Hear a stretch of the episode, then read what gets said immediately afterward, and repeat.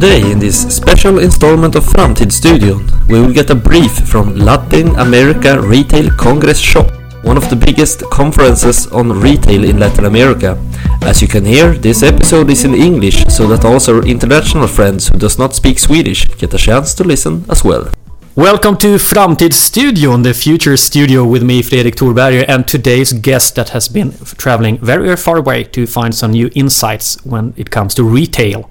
What is the future of retail? What will happen with all these huge malls when e-commerce is growing? And how can we solve the problem of the last mile, the delivery uh, to the front door of the consumer? Uh, I'm happy to have you here, Helene Olsson, one of my colleagues, and uh, welcome to Framtidsstudion. Thank you so very much, Fredrik. So tell me, how did you end up in uh, Kairos Future? Uh, well, that was a coincidence, like many things in life. I was working in Barcelona, Spain, uh, at an American management consultancy firm, and um, I have never heard about Kairos Future, and um, we were doing future work at the place where I was working previously. So we started a collaboration and that's how I met Kairos and how I could bring in my previous experience also being a manager in big industrial and service companies. Right. And what are you doing now at Kairos? Now I'm working with global industry innovation and uh, also with uh, specifically Gen Z. Ah, Generation Z, right. So you have been visiting the thinnest country on the planet. Tell us, where have you been? I've been in Chile, in Latin America. Mm-hmm. How was it? What were you doing in Chile? Uh, I was privileged to be invited as the keynote speaker at the Latin American Congress Shop. Congress Shop? Yeah. Okay, what's that?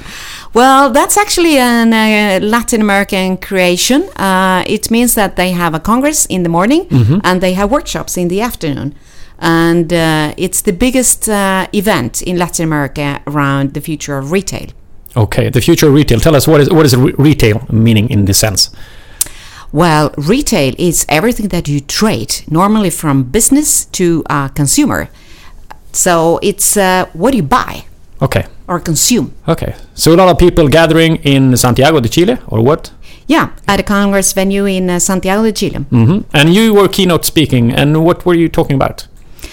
Well, uh, we had um, a lot to talk about, and uh, I focused on uh, what are the future of retail in terms that the cities are growing. Uh, we have um, a trend that also the population is aging, and that technology is blending into the retail uh, at full blast at the moment. So this has the consequences that, uh, especially in uh, Latin America, but all over the world, uh, since the technology is getting in, we have a much more increase in terms of e-commerce. Uh, so the big retail stores are actually, uh, at some part, uh, becoming emptier. So there is a big worry about what will we do with these big retail cathedrals Right. in the future. Will they be empty? Will they be full? Or what shall we do with them? Yeah, and what did you find at the Congress shop? What would pe- people suggest how to develop these buildings? Well, uh, that was really interesting because there were two different uh, theories, uh, or even three, I would say. One would be that uh, the future would be that you will have these like big entertainment cathedrals for the we making in the future.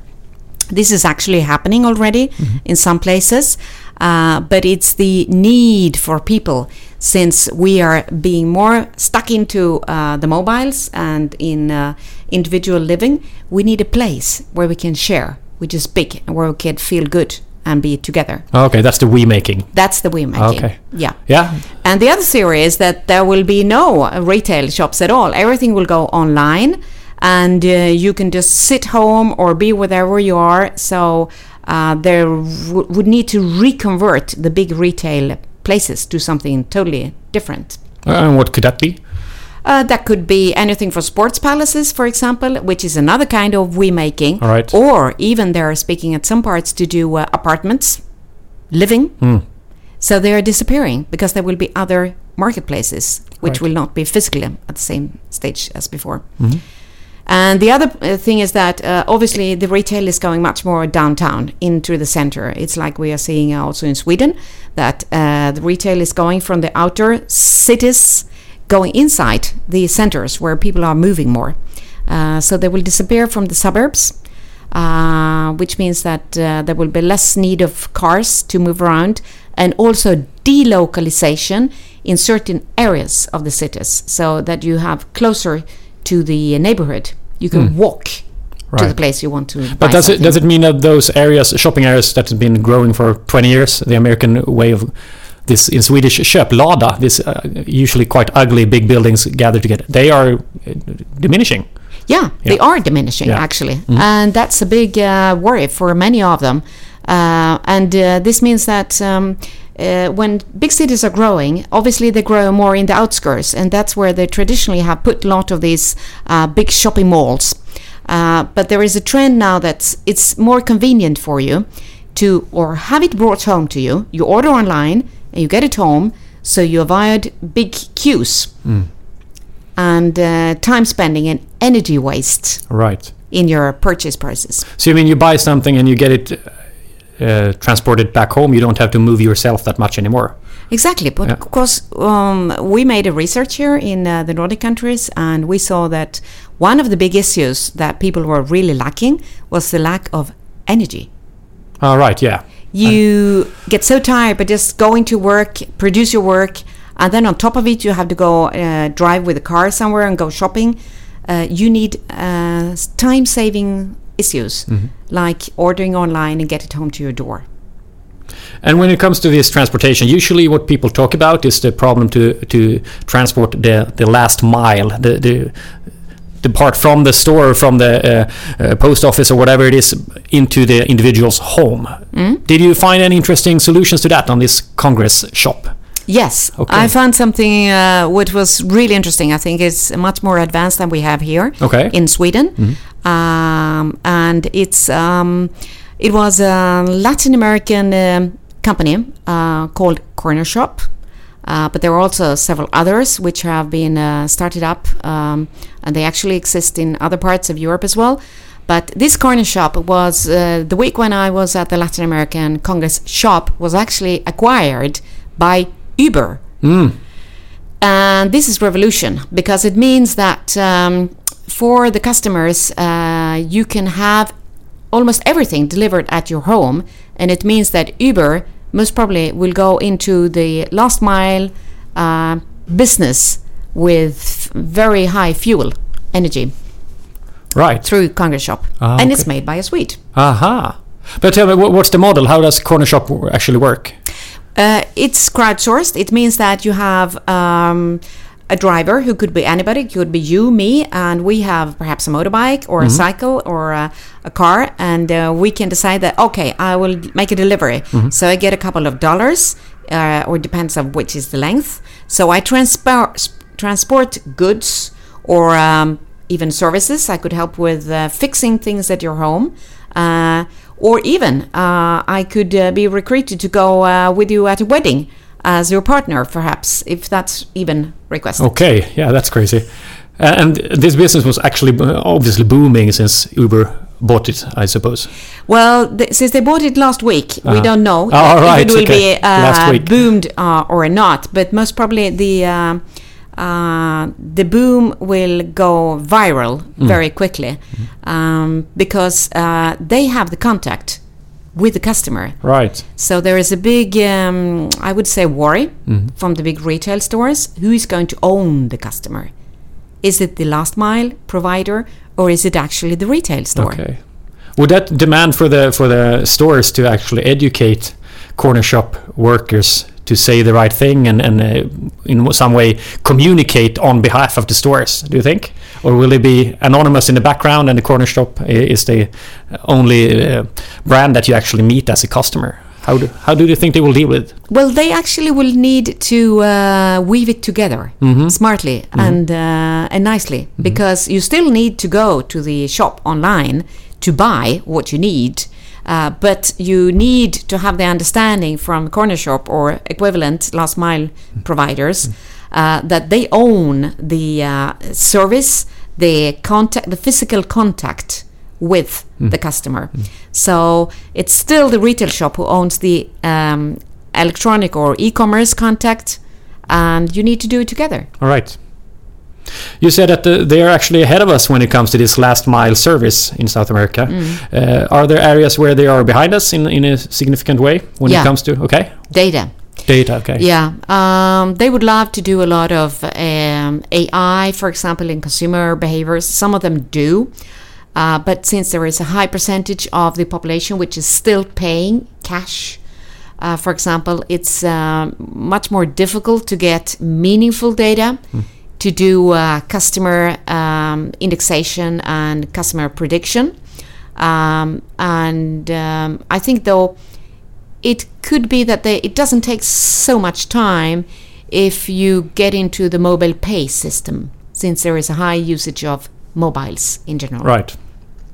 And do you see an effort from the government and so on to to decash the society, or uh, is it is it not in question? Is it just uh, evolving as it wants, as, as it will?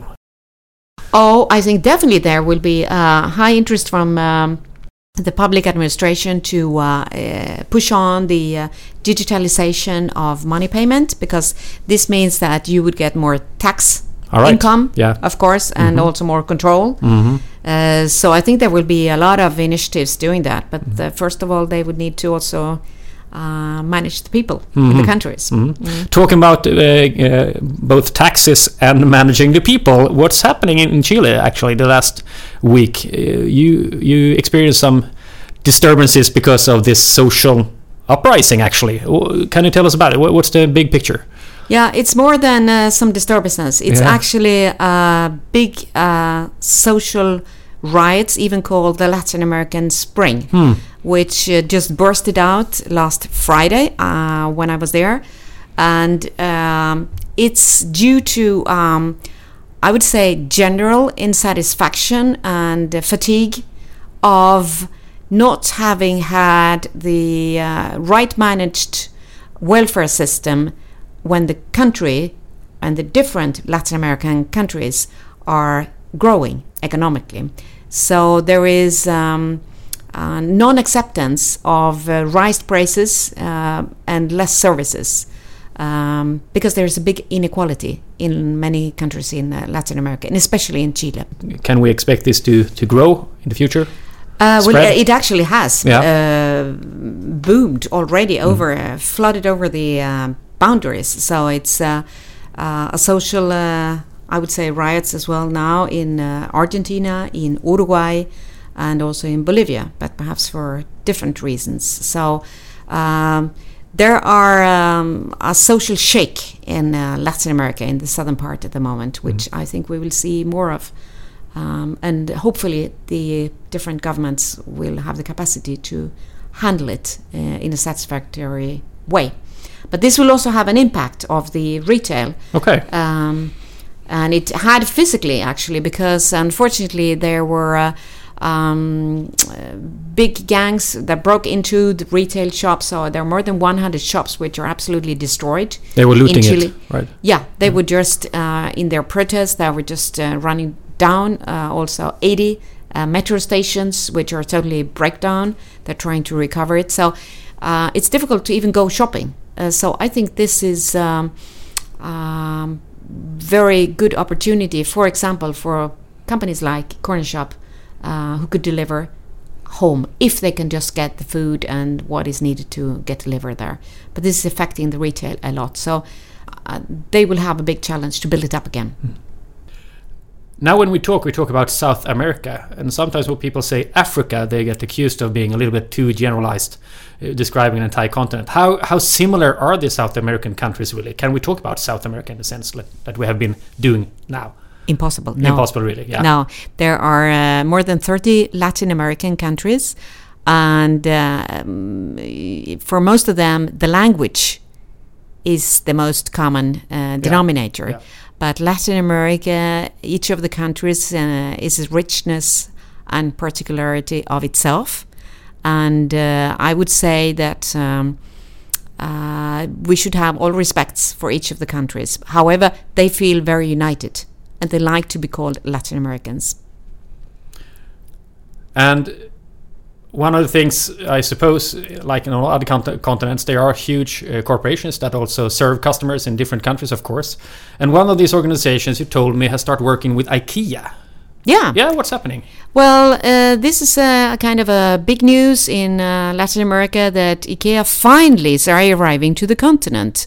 Uh, they've been like longing for IKEA for a very long time, and now uh, they have made a joint venture with a local um, retail group in Chile, who is going to open up uh, the first three IKEA stores uh, in 2020. So they're really excited about this and also deadly scared. Of course. And what's the company that they work with? Uh, it's called Falabella. It's a traditional Chilean retail group uh, already from 1889. Very successful, uh, spread all over Latin America.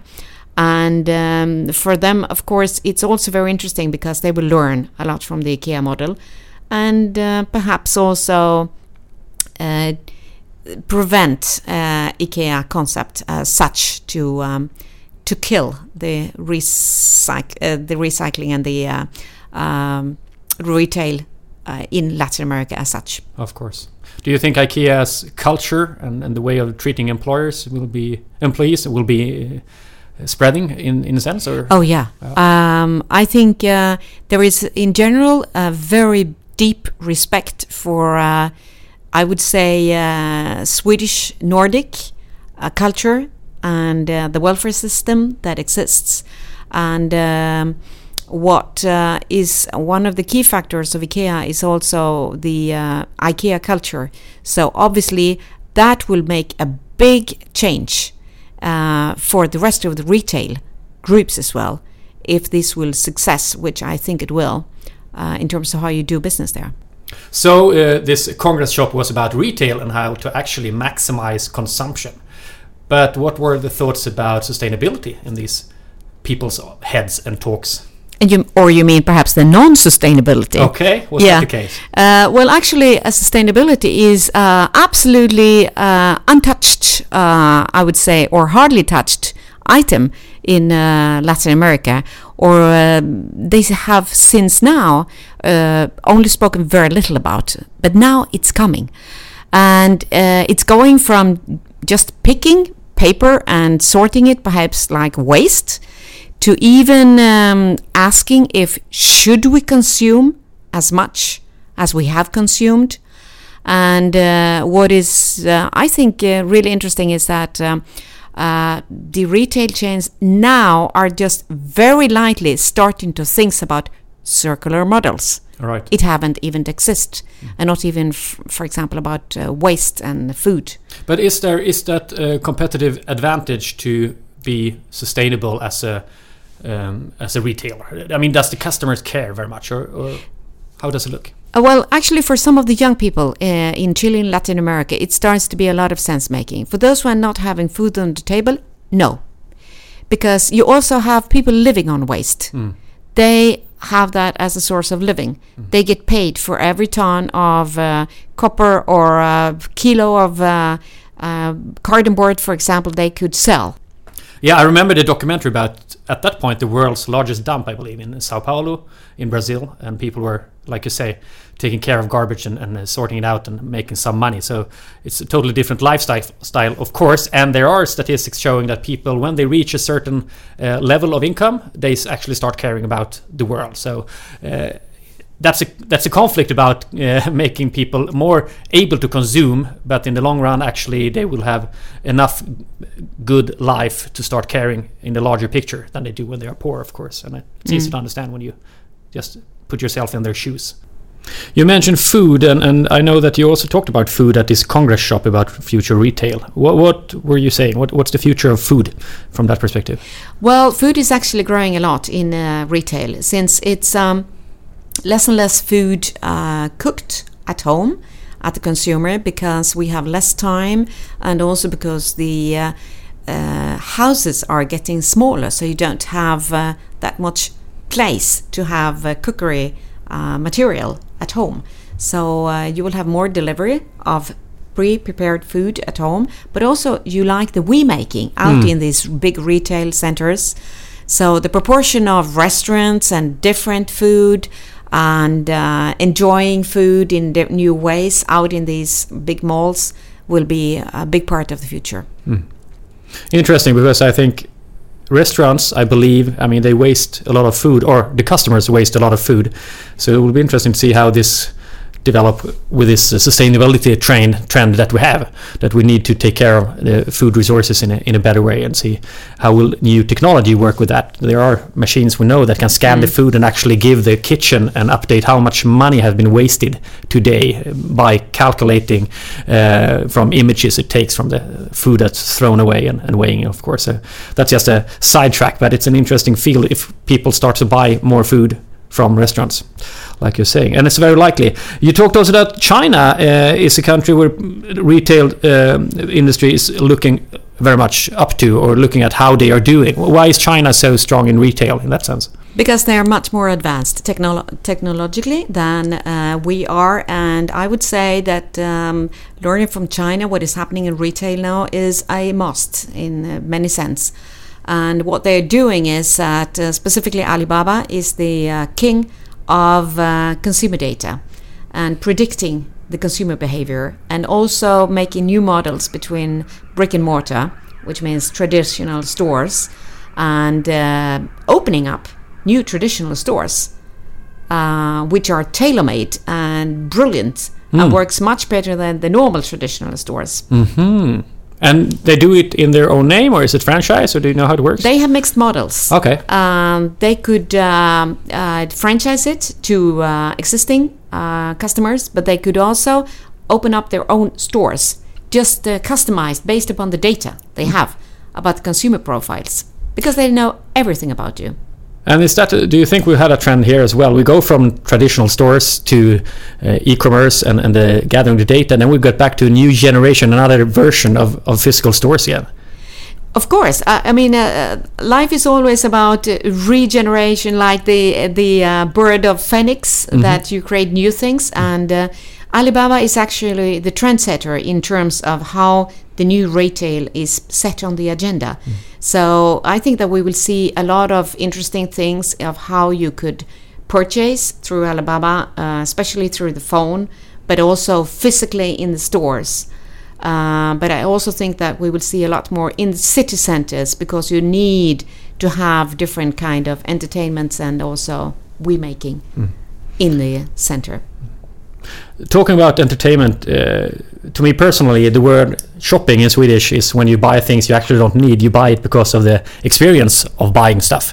Uh, and you talked about e-commerce, and it's growing. And one of the scenarios you were talking about uh, in, Chile was one of those where that e-commerce will take over almost everything. What do you think personally? Can we be happy with e-commerce or is there a need actually for physical shopping and, and experience in a store and, and meeting other people so how, how far how much can the e-commerce actually take uh, of the entire shopping or, or consumer behavior I think there will definitely be always a place for the physical trade where you have a hand and you give something physically, and even where you enhance it. Actually, in New York at the moment, there are uh, mm, certain retail stores that are specializing, on the contrary, on the prime customer service, where you actually book a meeting uh, with the store and you get almost like the red carpet rolled out uh, for the shopping experience and you get a good treatment. And you maybe don't bring what you have purchased in there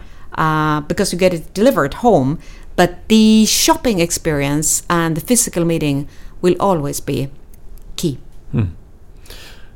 And and that works as a, a just great picture of what's happening when when automation comes in in different sectors that we uh, develop new qualities and, and total new services or slightly new services in, a way- but but the, the quality the level of experience is also is always increasing and getting more and more important is there something that you heard in South America that you think these this would be the most important things for a Swedish retail business to to think about and know about what could we what should they learn from this experience that you had I think that uh, the last mile is definitely something that uh, will come stronger. In spite of that, there have been several attempts to do that in Sweden, uh, and Sweden has smaller cities than in Latin America. Uh, we will see a higher need for service, And I can imagine that this is also the case out in the countryside, uh, remote areas, where we could uh, make uh, very new, interesting business models in terms of retail of how you could actually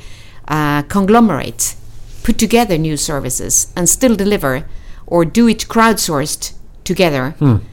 Uh, we're innovative in Sweden, so let's be innovative in retail as well. Great. Thank you very much, Helene, for coming to Framtidsstudion. We look forward to next report from the global arena. So uh, thank you and uh, talk to you later. Thank you so very much, Fredrik.